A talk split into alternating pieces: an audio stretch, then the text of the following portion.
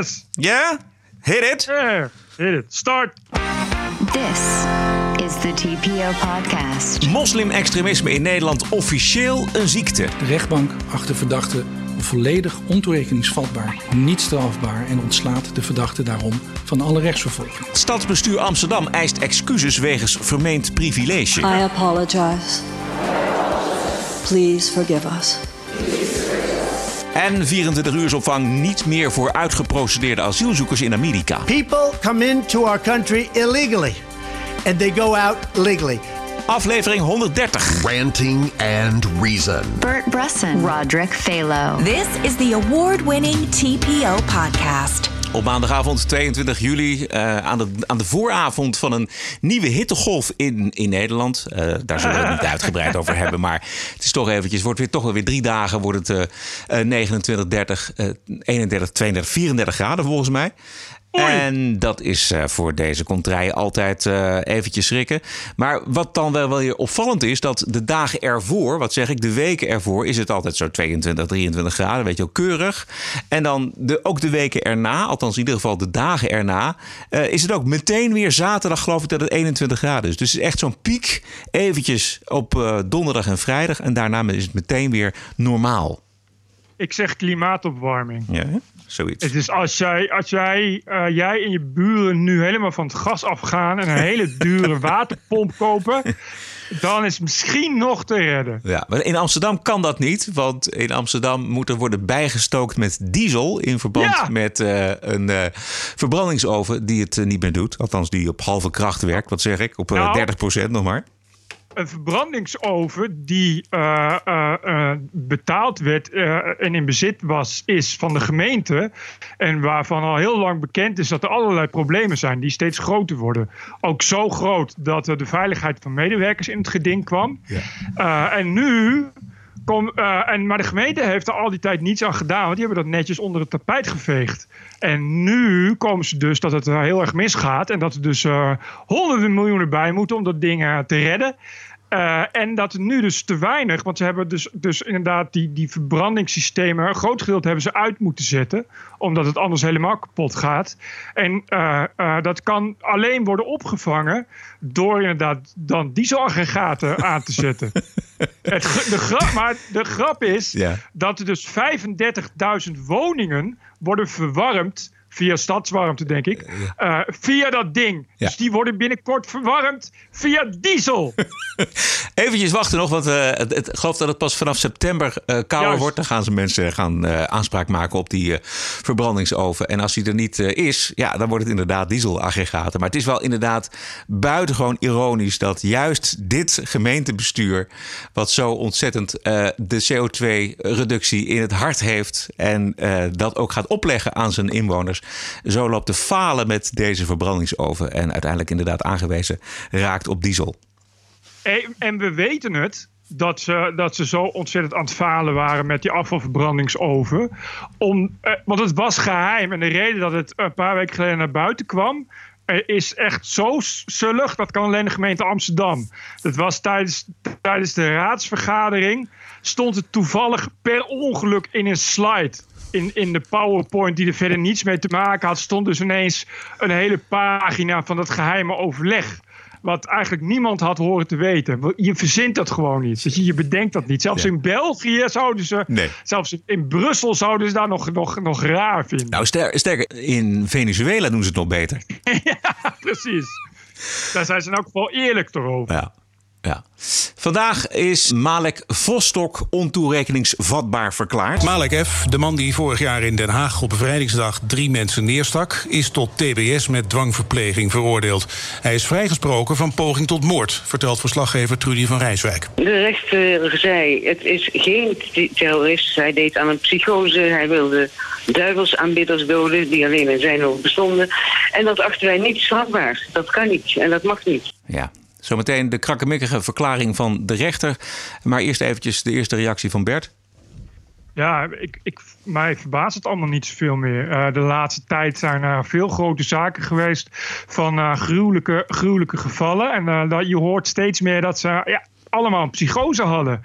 Terwijl ik kan me in mijn eh, verleden niet herinneren dat er veel mensen bij mij op school zaten, in mijn buurt, met een psychose. Weet je, dat was toch iets wat vrij zeldzaam was. Maar kennelijk, als je crimineel bent, is uh, echt, je struikelt tegenwoordig over de psychoses. Nou wil ik ook niet, ik, er is een PVV, die ziet er inmiddels een complot in van, van het kabinet om, om Nederland kapot te maken en bewuste psychopaten op het volk af te sturen. Dat lijkt me iets te ver. Maar uh, ik ben even zijn naam, maar dat is uh, een, een, relatief onbekende die altijd een grote bek heeft. Uh, maar het is wel opvallend. Het is wel steeds vaker een psychose. En dat heeft ook te maken met zogenaamd deskundigen. En die deskundigen kun je in sommige gevallen best wel tussen aanhalingstekens zetten. Omdat ja, de wetenschap daaromtrent kun je nog heel veel over zeggen. Maar ja, rechters hebben niet zoveel anders, andere keuzes dan met dat soort deskundigen in zee te gaan. Precies. Het, het komt inderdaad zo vaak voor dat deskundigen inderdaad een medische verklaring afleggen. En de rechter zich daar dan op een of andere manier aan moet houden. Ik weet niet precies hoe dat zit. Maar als inderdaad een verdachte ontoerekeningsvatbaar wordt verklaard, ja, dan kun je hem geen straf opleggen. Maar Juist. ja, uh, het, het, komt nu toch zo vaak voor. We moeten dus maar vertrouwen dat die medici de juiste diagnose maken. Dat ik kan je vertellen, uh, en dat weet ik, uh, ik uit de praktijk, althans ik ken mensen die daar eh, goed, eh, goed eh, in ingevoerd zijn, dat dat een heel groot probleem is. Dat er heel veel kaf tussen het koren zit. ook veel psychiaters en psychologen die, laten we zeggen, een bepaald wereldbeeld aanhangen wat betreft dus inderdaad de manier waarop volgens hun mensen gestraft moeten worden. het is volstrekt onbetrouwbaar. Ja. Ja. Er zitten heel veel, heel veel, ja, dat is, dit, dit is een, uh, heel veel meningen en meninkjes die doorgaan voor, voor wetenschap en, en voor expertise. Ja. En je ziet ook in de weg naar deze uitspraak van de rechter dat de advocaten uh, meervoud van deze ban ook daar eindeloos op zin spelen. Hè? Zij duwen het in de richting van ontoerekeningsvatbaar. Maar laten we even luisteren naar stukje voor stukje naar die verklaring van die rechter. De daden van de verdachte op 5 mei 2018 doen denken aan een terroristische aanslag. De verdachte hield er, ingegeven door zijn paranoïde psychose, radicale en extremistische ideeën op na. Dit leidt echter niet tot de conclusie dat de verdachte daarmee een terroristisch oogmerk had. Ja.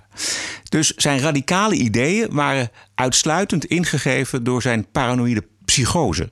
Ja, we horen hier nu uh, een rechter eigenlijk zeggen dat uh, uh, islamitische terreur dat het gewoon een ziekelijke afwijking is een, een soort ja, een paranoïde psychose. Want uh, het kan natuurlijk niet zo zijn dat uh, vanuit de islam zelf dit soort ideeën worden aangedragen. Precies, het zou nog jurisprudentie kunnen inhouden ook. Laten we even doorluisteren. Anders dan in de zaak van Mohammed B., die ter zitting ook aan de orde is geweest... en waarin ook op klaarlichte dag iemand werd gestoken... is in dit geval geen sprake van een pamflet met een boodschap...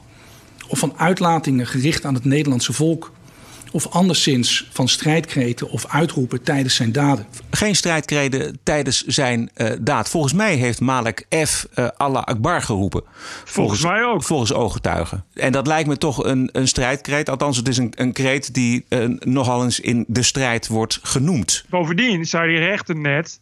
Uh, dat het ging om, om, om, om geloof, om radicale uitingen.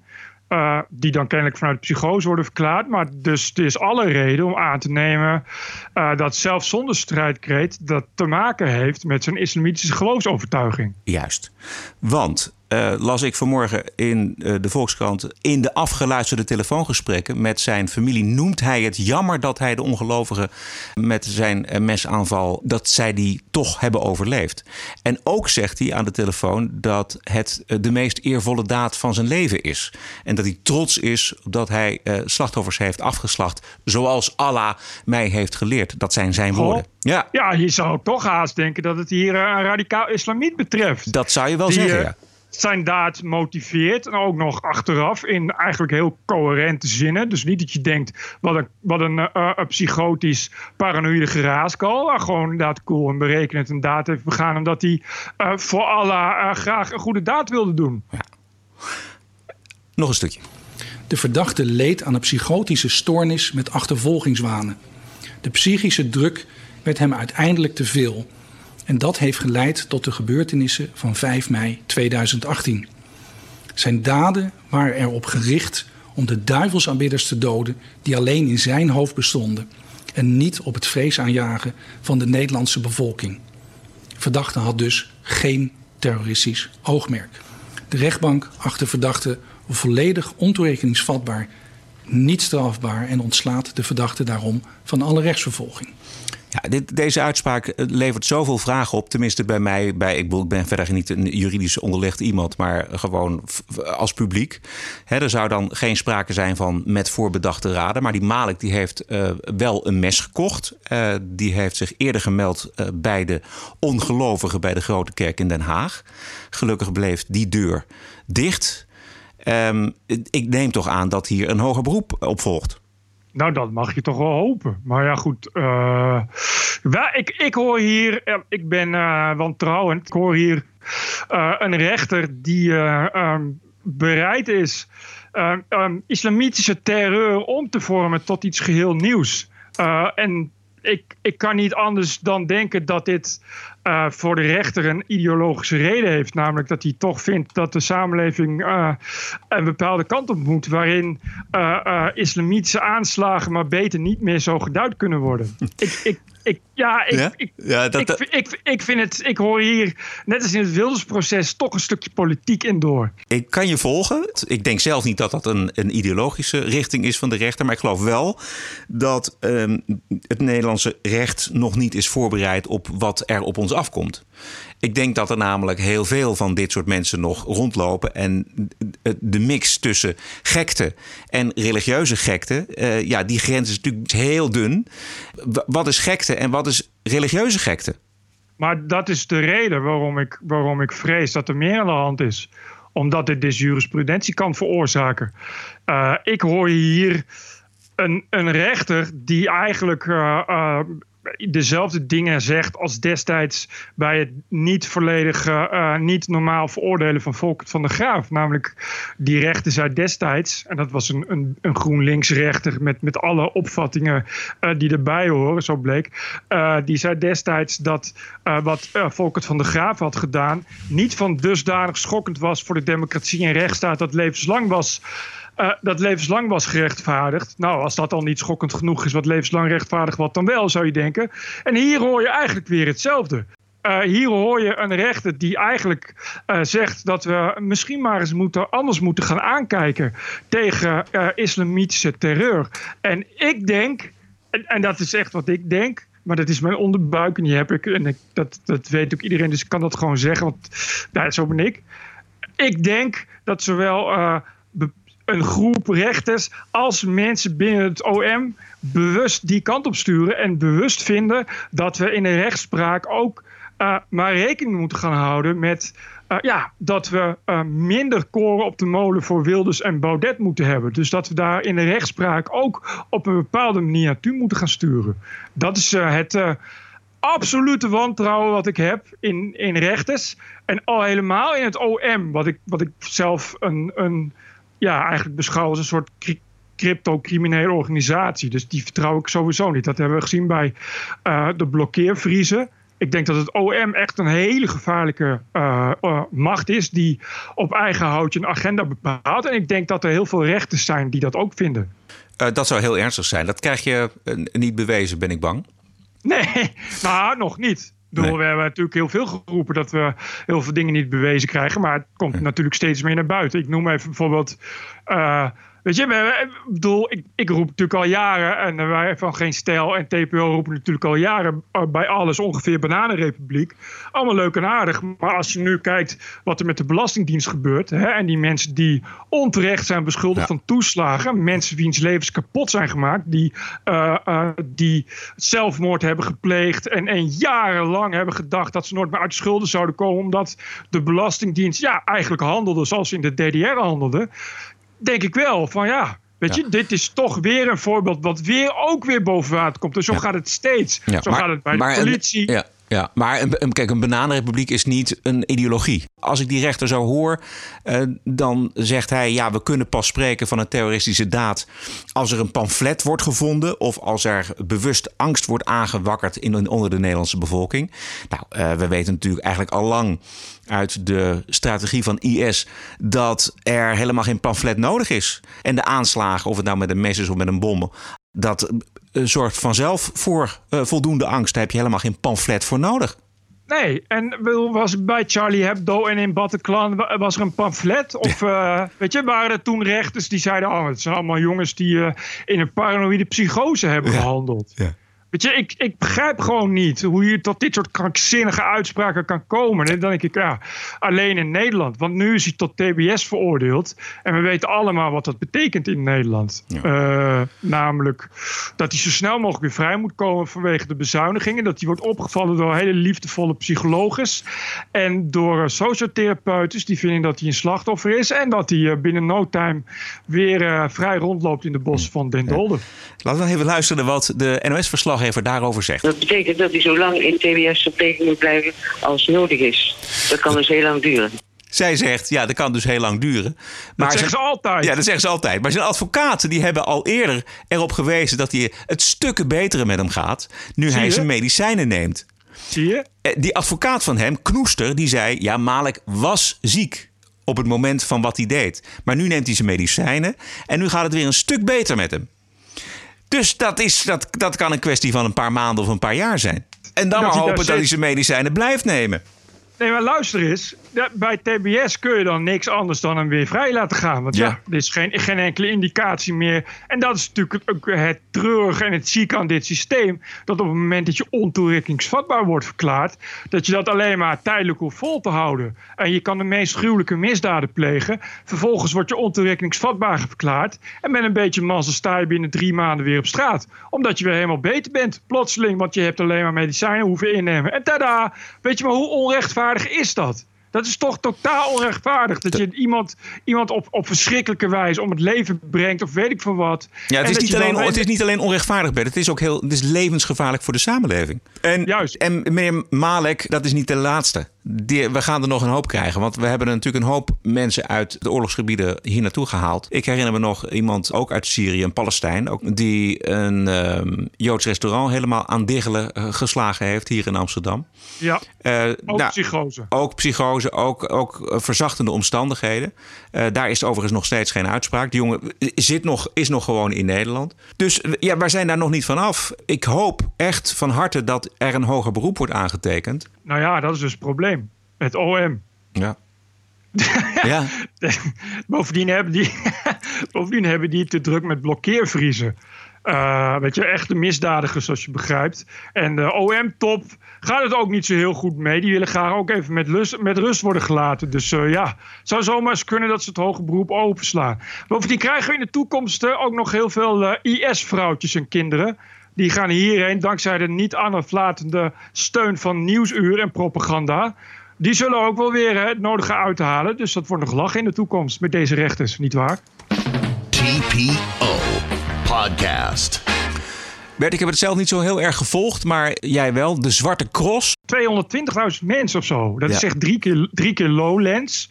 Uh, dus dat, dat, die zwarte cross, wat, wat echt, natuurlijk echt in de jaren 90 is begonnen als drie jongens die een dagje gingen crossen. Uh, het is natuurlijk fascinerend dat dat zo groot is geworden. Het risico is heel erg dat het dus enorm is gemainstreamiseerd inmiddels. Uh, en binnen no time dus binnen nu en vijf jaar is het voorkomen overgenomen door millennials en hipsters. Uh, dus ik wens veel succes met de Zwarte Cross en dat authentiek houden in de komende jaren. Uh, verder is er, uh, was er een jongen van 18, kwam erom. Dat was heel treurig. Toen dat gebeurde zag ik op Twitter ook allemaal mensen meteen roepen dat hij was neergestoken. Wat toch wel ernstig is als je dat soort dingen gaat roepen terwijl je dat niet weet. Anyway, en het enige wat interessant was, was dat er vandaag ophef op Twitter was. Omdat er een foto was gemaakt van een geinig bedoeld bord. Want op die, bord, op die zwarte cross. Uh, nou, dat is de, de rest van Nederland. Dus daar doen, ze, doen ze nog aan humor en ironie en geinige dingen.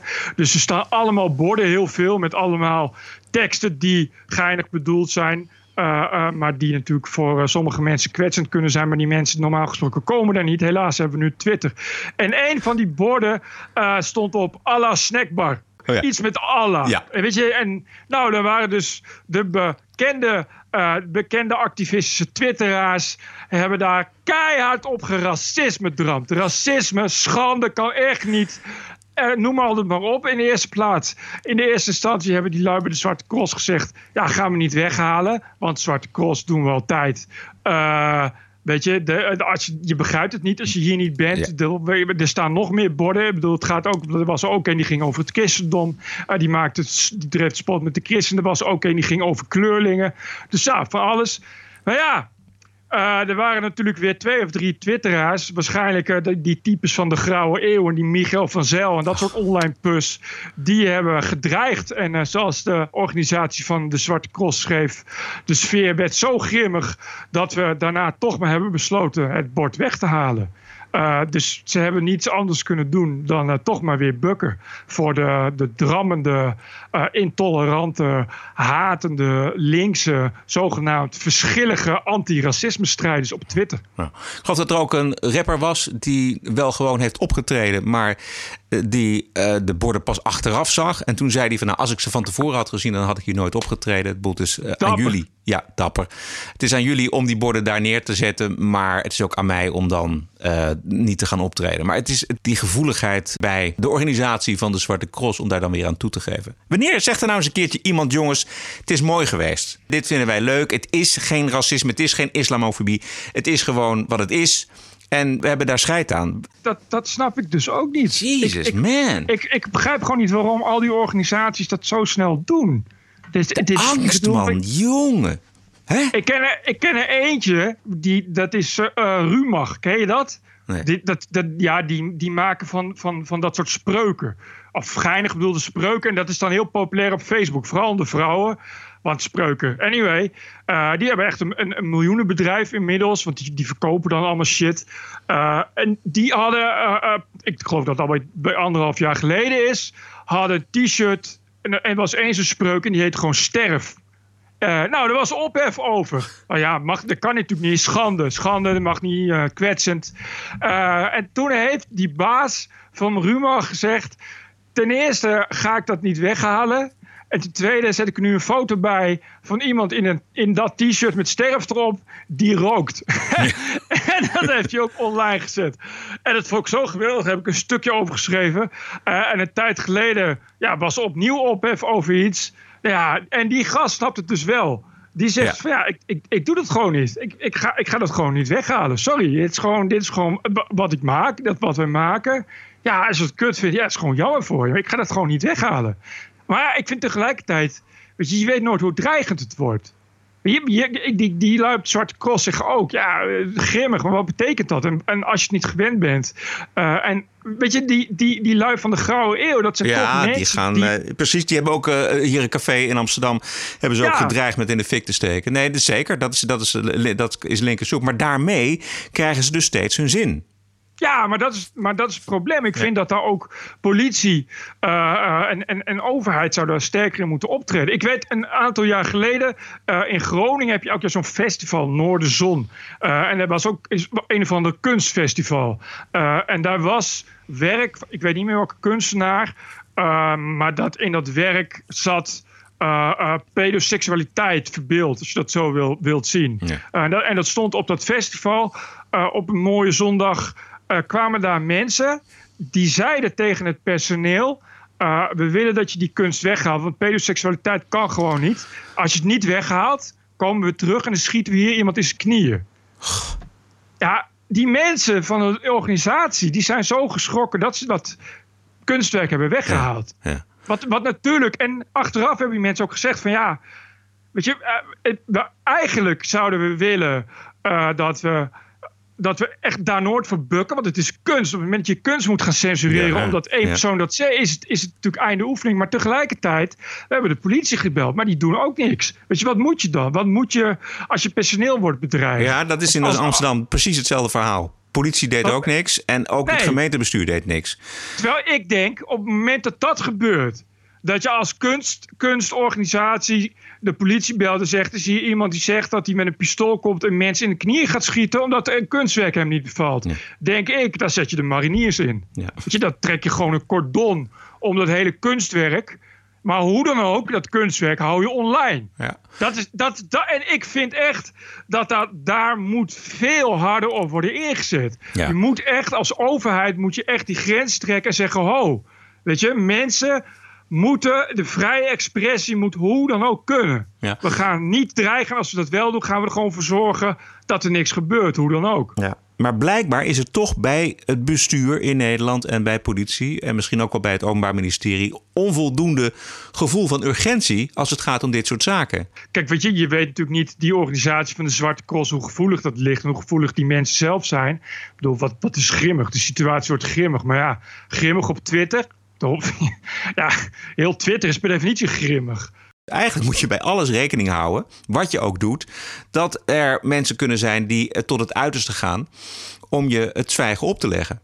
Ja, maar dan moet je kunnen. Je, ik- maar je moet er dan zeker van zijn dat er dan een politie is.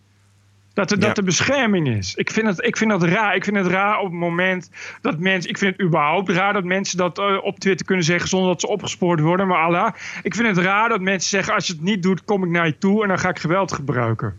En dat je dan dus maar moet- maar moet zeggen: oké, dan haal ik het weg. Ik vind dat je dan dus moet kunnen zeggen: ja, prima, dan zorgen we ervoor dat je wordt opgevangen. Want we gaan het niet weghalen omdat het, het is principieel. Op het moment dat je Ja. dat doet, is het einde. Is, is de facto is het dictatuur. Het kan niet zo zijn dat dit soort online pus, dit soort verschrikkelijke, echt, ik vind het echt, echt het verschrikkelijkste van het verschrikkelijkste wat, wat, wat er is. Dit soort activisten, ten eerste de hele tijd nog steeds vrij rond kunnen lopen zonder dat ze een strobreed in de weg wordt gelegd.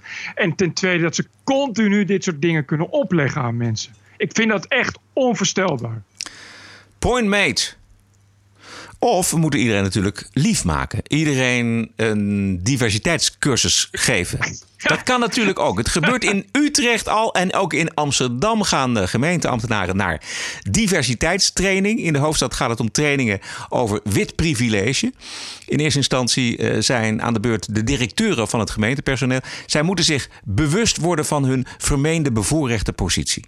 En daarna het hoofd buigen en excuses aanbieden voor hun huidskleur en de positie die zij en hun rasgenoten hebben verkregen dankzij die huidskleur. En zoals we weten zijn die cursussen overgewaaid uit de Verenigde Staten en dit is waar het in de bottom line op neerkomt. And now, as I, as I speak, I'm going to ask the white Americans in the room to please repeat after me. on behalf of myself and on behalf of my country. To you and all African Americans. From the beginning of our nation's history. In honor of your ancestors and on behalf of your children. Please hear this from my heart. I apologize. Please forgive us. Dit is een sessie van de Amerikaanse democratische presidentskandidaat Marion Williamson. En zij doet Holy mee shit. aan de voorverkiezingen van de Democratische Partij. Let op wat er gebeurt, nog een klein stukje. My African American fellow citizen. Please accept my apology this night. It is for you and for your grandparents. And their grandparents before them. And their grandparents before them.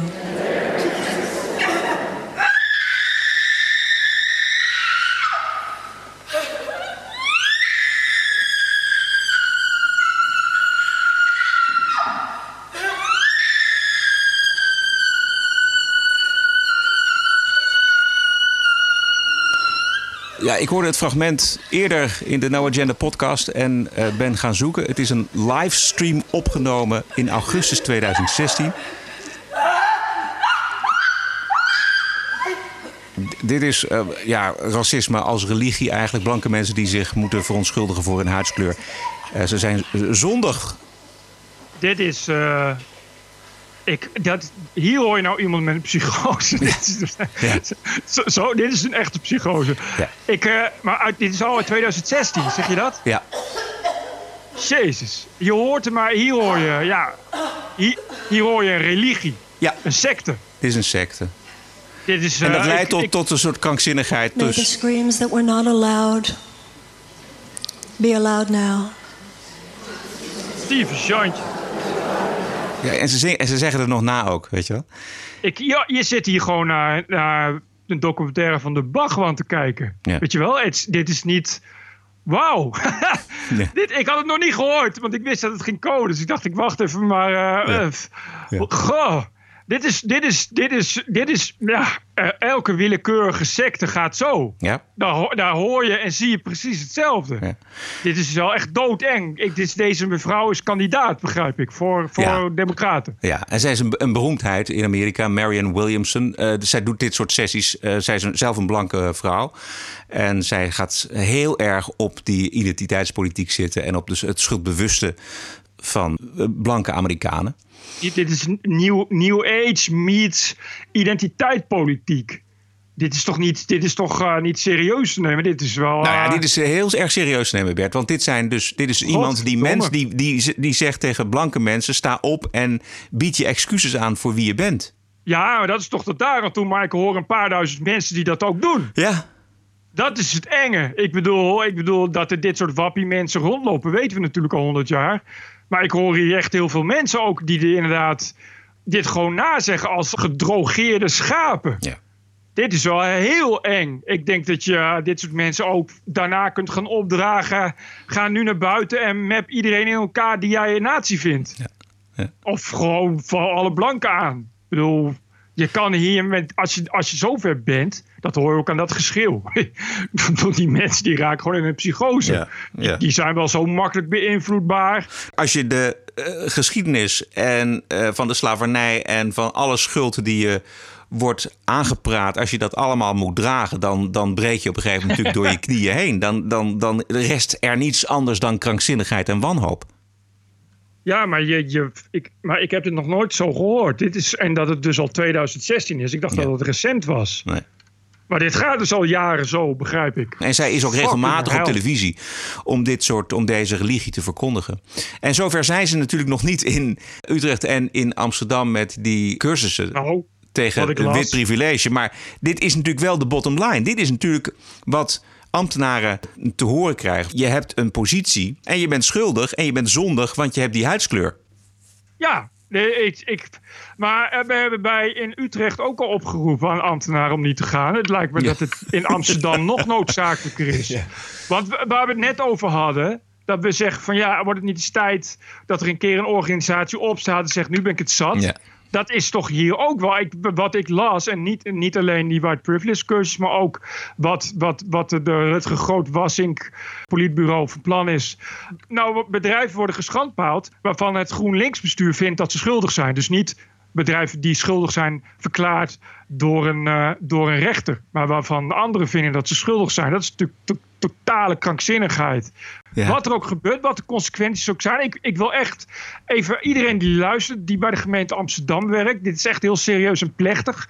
Ik vind echt bij deze, iedereen die bij de gemeente Amsterdam werkt.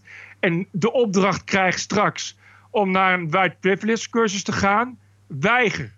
Ook als dat je baan kost. of als dat mensen je daardoor met de nek gaan aankijken. of als dat, dat gevolgen heeft voor je carrière en je toekomst. Want ik kan je garanderen dat dat het waard is. Dat door te weigeren doe je iets waardoor jij en ook andere mensen in de toekomst heel blij zijn dat je dat hebt gedaan. Want dit soort, dit soort Stalinistische totaalkrankzinnigheid kan alleen stoppen als mensen bereid zijn hun nek uit te steken en te weigeren. Als mensen bereid zijn om op te staan en daartegen op hun manier in verzet te gaan. En je gaat in verzet door er niet aan mee te doen. Doe het niet. Weiger deel te nemen aan white privilege cursussen. Anders rest krankzinnigheid. Privilege ass bitch, get the fuck out of here now! This is CNN breaking news. Donald Trump is not going to be president of the United States. Welcome to Morning Joe. Mr. President, if there is no collusion. The government shutdown is now in week four. Today was not just like a normal stormy day in the news. This is not just my opinion. TPO Podcast. This is evidence. Ja, in Amerika zijn alle problemen opgelost, want het gaat alleen nog maar over de squad. De vier congresdames die mooie opvolgers zijn van de co-captain van het Amerikaanse dames voetbalelftal. Uh, de strijd tegen de racist Trump gaat door tot in het Europees parlement. Uh, we are all, we've all just been elected as representatives of the people and legislators. Dit is Sophie in het geld. Uh, and for a democracy, it is essential that elected representatives can do their work freely and safely. And that applies to representatives around the world, including in the United States. I note that there are four members of the US Congress who have recently been subject to hate speech and intimidation and harassment, cheered on by nobody less than the president himself. Fuck yeah, it's a bit difficult. Ja, is het protest. Gentlemen and ladies, could I ask you to show some respect? Ja. Sophie, in het geldt dus uh, grappig dat ze het heeft over gekozen volksvertegenwoordigers die hun werk natuurlijk uh, gewoon moeten kunnen doen.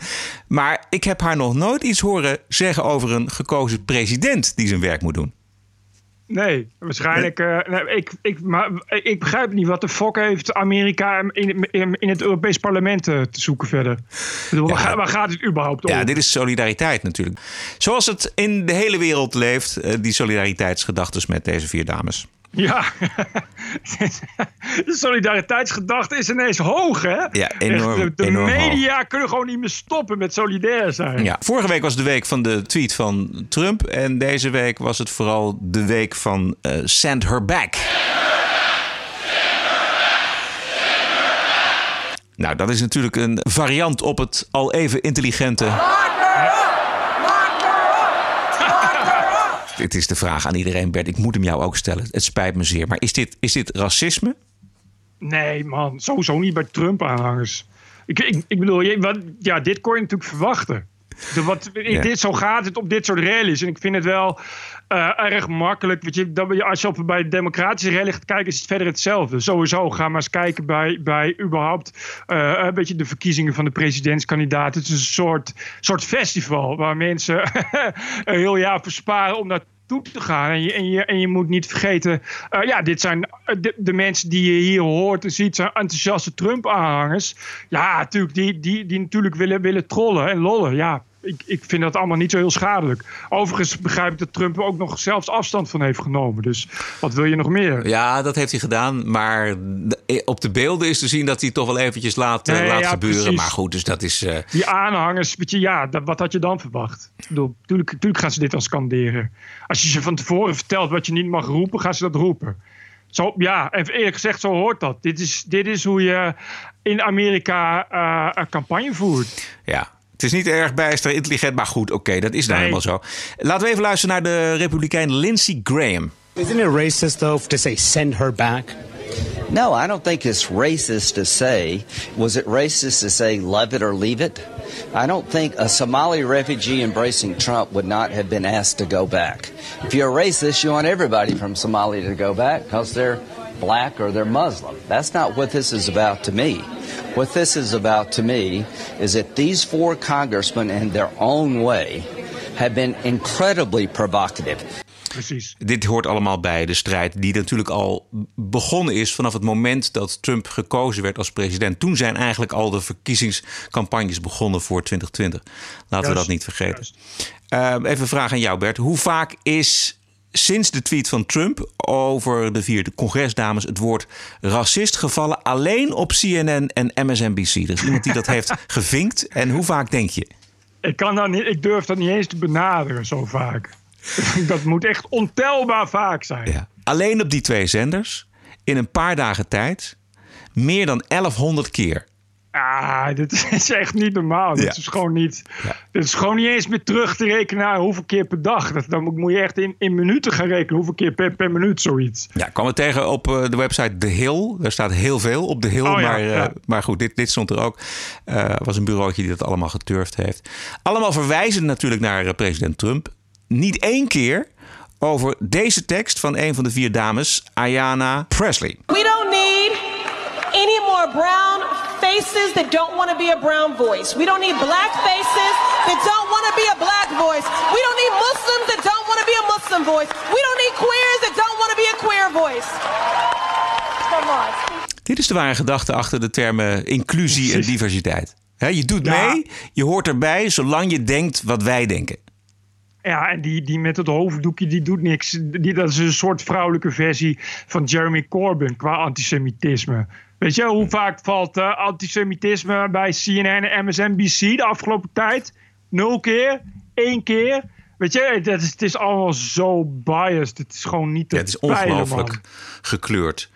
Eh, en de andere kant hoor je eigenlijk nauwelijks. Dit is Rob Smith. Hij is een zwarte Amerikaan, Irak-veteraan en gay. I'm gonna tell you something about being offended. I was offended when Rashida Tlaib shared a stage at a fundraiser with an imam who compared being gay to a disease and compared homosexuality to bestiality and incest. I was offended when Alexandria Ocasio Cortez compared ICE to the KKK. I was offended when Alan Omar made her horrible anti Semitic statements on Twitter and in speeches. And when she also advocated for leniency for people that were convicted of terrorism in her district. I was offended when Ayanna Presley said that my voice, my black voice, doesn't matter because blacks who are not Democrats don't matter. Those are things that I was offended about. Those are things that we never hear anything about. So, pardon me if I am not going to be offended by a chant at a Trump rally. Get back to me when you call the squad out on their crap. Het punt is dat je dit soort dingen hoor je dus alleen in de alternatieve media online. En daar worden dit soort geluiden steeds meer gecensureerd. Eh, we hebben nu Lindsay Shepard, dus ook van Twitter af bijvoorbeeld. ja, ja. Dat is toch, dat is toch eh, we hebben allemaal, allemaal destijds geschokt naar geluisterd wat er met haar gebeurde. Ja, die heeft dan eh, tegen, tegen iemand die transseksueel, weet ik veel wat, was een verkeerd per ongeluk man of vrouw gezegd, terwijl die ander dat niet vond. En dan ben je, dan ben je, eh, ben je kwetsend, zo kwetsend dat je van Twitter eh, wordt verwijderd. Ja. Als tegenwicht, laatste fragment over de tweets van Trump. Eh, dit is de persconferentie van de leider van de Republikeinen in het Huis van Afgevaardigden, McCarthy.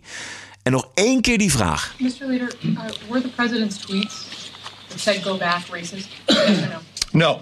And I do not believe the Speaker of the House was racist last week either. When when those individuals on her side of the aisle who are claiming the president's racist, when they claim she was racist either, I do not believe that. I believe this is about ideology.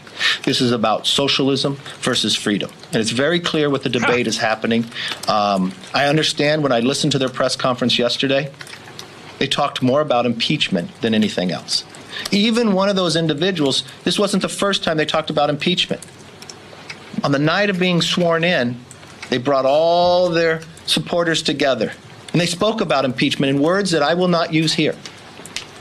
This is more from their basis about politics. And it's unfortunate. We should get back to the business of America. Yes. Juist, juist, dit, dit- juist, dit juist, is juist. toch tamelijk kern, eh, kernachtig opgeslokt. Het gaat eigenlijk tot nu toe, en ik denk ook niet dat dat gaat veranderen, Bert, tot de verkiezingen van 2020. Het gaat over drie dingen. Het gaat over impeachment, het gaat over race en het gaat over white privilege. That's it. Ja, eh, en, en, en ten koste van de Democraten, hè, dat is de, toch Ja. steeds de grap ervan. Ja. Die, het wordt alleen maar erger. Want als je dus net hoorde die, die, die rare aanbidding, die kerkdienst uit 2016. Dat is dus nu dus ook iemand die kandidaat wil zijn Ja. voor de Democraten. Ja. Weet je, dat is natuurlijk, het wordt natuurlijk steeds gekker. hè. Je krijgt nu alleen nog maar knettergekke identiteitspolitiek kandidaten. Exact. Ook die democraten onderling, die willen het braafste jongetje van de klas zijn. Die proberen elkaar allemaal te overdeugen. En één ding, dat, daar moet je echt, kan iedereen echt heel erg gerust op zijn. Er gaat nooit een meerderheid op dit soort lui stemmen. Amerika is Amerika. En als je straks eh, eh, een kandidaat krijgt die inderdaad dit soort, dit soort identiteitsgeneuzel als enige, als enige heeft, dan kun je echt inpakken. Dan, is echt, dan hoeft, hoeft Trump niet eens zijn bed uit om campagne te voeren. het is hetzelfde als in Amsterdam, weet je, GroenLinks. Het is een hele kleine elite die zich met dit soort, dit soort onzin bezighoudt. Maar dat heeft helemaal niets te maken met de Amerikaanse kiezers. Dus ook de democraten niet. Exact. De randst- randstedelijke problemen zijn niet de problemen van de rest van Nederland. Ja, exact. Ja. En er keken al heel weinig mensen naar die Amerikaanse tv-zenders. Maar daar kijken alleen nog maar minder mensen naar die Amerikaanse tv-zenders. Ja, dat zijn, dat, dat, die kun je bijna op één hand tellen, Bert. Dat, zijn Ja, er, dat eh, worden er steeds minder. Nee, maar dat, is, dat, is, dat zie je ook aan, eh, hoe heet die, die, die net een boek heeft geschreven, die irritante verslaggever van CNN. Jim Acosta. Ja, nee, Jim Jim Acosta, de reden dat hij zijn boek niet verkoopt, is niet alleen, is niet alleen dat, het, dat, dat, dat, ja, dat het waarschijnlijk irritante content is die over Jim Acosta gaat, omdat het gewoon niemand interesseert. Nee. Weet je, dat is de, dat is de valkuil van, van alleen maar in je eigen bubbel leven. Dan, die, dan denk je echt dat daar mensen. Maar de enige die daarop reageren en in geïnteresseerd zijn, zijn andere journalisten. Weet je, het is allemaal heel navelstarig. Maar dat is natuurlijk de rest van Amerika heeft ten eerste geen idee wie Jim Acosta is. En zowel, dan weten ze genoeg. En ten tweede hebben, zijn ze echt niet geïnteresseerd in een boek. En ik, volgens mij was er laatst nog één. Die had ook een boek geschreven. Precies hetzelfde. Ook, ook, ook handtekeningen uitdelen. Nul, nul mensen. De enige die erover schrijven. De enige die er aandacht aan besteden. Zijn de andere journalisten. Ja, exact. Ondertussen is eh, Trump gewoon wel aan het werk ehm, met zaken waar wij ook in Europa mee te maken hebben. In Europa krijgen we natuurlijk geen vat op die criminele asielzoekers uit veilige landen. En president Trump houdt zich het recht voor dit soort types in Amerika te deporteren. Dat doet hij ook nog niet zoveel als Barack Obama, maar het begin is er. We've been removing MS 13 by the thousands during my administration. And I tell my people it's much easier to go the other route. But I say focus on the criminals, focus on the people that are killing people, that are causing crime. Focus on them. Much easier just to go to general population. That's easy. But I don't do it the easy way. We're getting tremendous numbers of criminals. And yesterday, it was just reported to me before I walked, because I said, How did that go yesterday? It didn't have to start yesterday. The truth is, it started a number of days before yesterday, but yesterday was very successful. People come into our country illegally. And they go out legally. Every person taken out had papers and we had court orders. Zo werkt dat dus. Zo, werkt dat. Ja. Eh, Bert, dit was het. Wij gaan ons voorbereiden op warme dagen. Ja, er is een hitteprotocol, las ik. Ja. Eh, Rijkswaterstaat heeft een hitteprotocol. En daar wordt onder andere aangeraden om een paraplu mee te nemen in de auto. Want als je pech hebt langs de kant van de weg, kun je een paraplu als parasol gebruiken. Ah. Ik wil het graag, graag toch nog even meegeven aan de luisteraars. Want je kunt niet voorzichtig genoeg zijn hè, met warme dagen. Ja. Dit was aflevering 130. Vindt u dit een goed geluid, een belangrijk geluid? Steun ons dan met een donatie, dat is zeer welkom. Help ons en de podcast en uiteindelijk uzelf ook. Ga naar tpo.nl slash podcast en daar vindt u een aantal mogelijkheden om iets aan ons te doneren. Dat eh, is goed voor de podcast, dat is goed voor u, dat is goed voor ons. Wij zijn terug dinsdag 30 juli. Heb een mooie week en tot dinsdag. 30 juli, hè? dat klinkt echt al eh, bijna weer herfst. Echt, eh, Een soort, soort, een soort aanloop naar kerst. TPO Podcast. Bert Bruson, Roderick Balo, Ranting and Reason.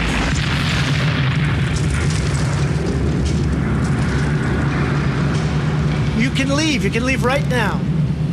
Come back if you want. Don't come back. It's okay too.